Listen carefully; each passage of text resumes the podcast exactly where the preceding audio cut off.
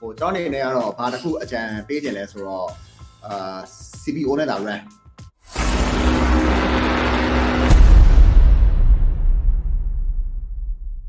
အဲ Facebook boost audience တွေ့ရတဲ့အချိန်မှာတဲ့ narrow audience ထဲတာ custom audience ထဲတာ lookalike ထက်သုံးတာ recommend budget လိုက်သုံးပေမဲ့ result လုံးဝမကောင်းတာတွေ့ရပေါင်းများလို့ပါတဲ့အပေါ်ကပြောခဲ့ရတယ်မမထည့်ရင် campaign ကအဆင်ပြေရတဲ့ဘာကြောင့်လဲဆိုတာပြောပြပေးပါလား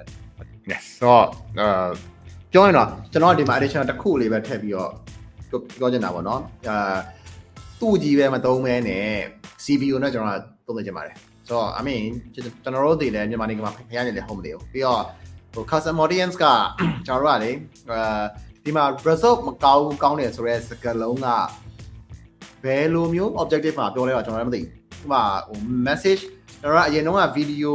view ကိုအခြေခံလိုက်ပြီးတော့မှ message ကိုကျွန်တော်ပေါ်ထားတာမျိုးလား ဒါမှမဟုတ်ရှင် engage page engage တစ်ခုလုံးကို custom audience ဆောက် localize ဆောက်ပြီးတော့မှ get message ကိုသွားထားတဲ့ဟာမျိုးလားပေါ့နော်ကျွန်တော်ကျွန်တော်တို့လည်းဒီမှာမရေးထားတော့ကျွန်တော်ပြောလို့မရဘူးအဲ့တော့ဟိုကျွန်တော်အနေနဲ့ကတော့ဘာတစ်ခုအကြံပေးခြင်းလဲဆိုတော့အာ CPO နဲ့ဒါ run အဲ့တော့ကျွန်တော်တို့လည်းဒီမှာ CPO နဲ့ run တယ်အဲ့တော့ကျွန်တော် CPO ထဲမှာကျွန်တော် asset အဲဒီမှာဆိုလို့ရှိရင်နှစ်ခုသုံးခုလောက်ထည့်လို့ရတယ် right အဲ့တော့ကျွန်တော်တို့ကနည်းနည်းလေးကျယ်တဲ့ဟို narrow audience မလောက်ထားတဲ့ asset တစ်ခုစောက်လိုက်အဲ့တော့ကျွန်တော်ဟို apps နဲ့ကျွန်တော် run ချလိုက်ပြီးလို့ရှိရင်အဲ့ဒီ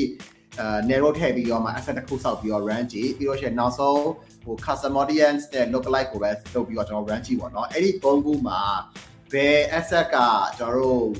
cost per result အနည်းဆုံးလဲဆိုတဲ့ဟာကိုကျွန်တော်တို့ကတိလာပြီဆိုလို့ရှိရင် Facebook ကအဲ့ဒါကိုပို့ပြီးတော့ပူးဆုပ်ပေးလိမ့်မယ်ဆိုတော့ကျွန်တော်တို့ရဲ့တာဝန်ကဒါပဲ right ကျွန်တော်တို့ရဲ့တာဝန်ကအာပြောမှဆိုလို့ရှိရင်ကဟို lowest cost lowest hanging fruit ကိုကျွန်တော်တို့ကရအောင်ယူရမှာဖြစ်တဲ့အလျောက် ဟိုပြောမှဆိုလို့ရှိရင်အရန်ကြီးနည်းနေတဲ့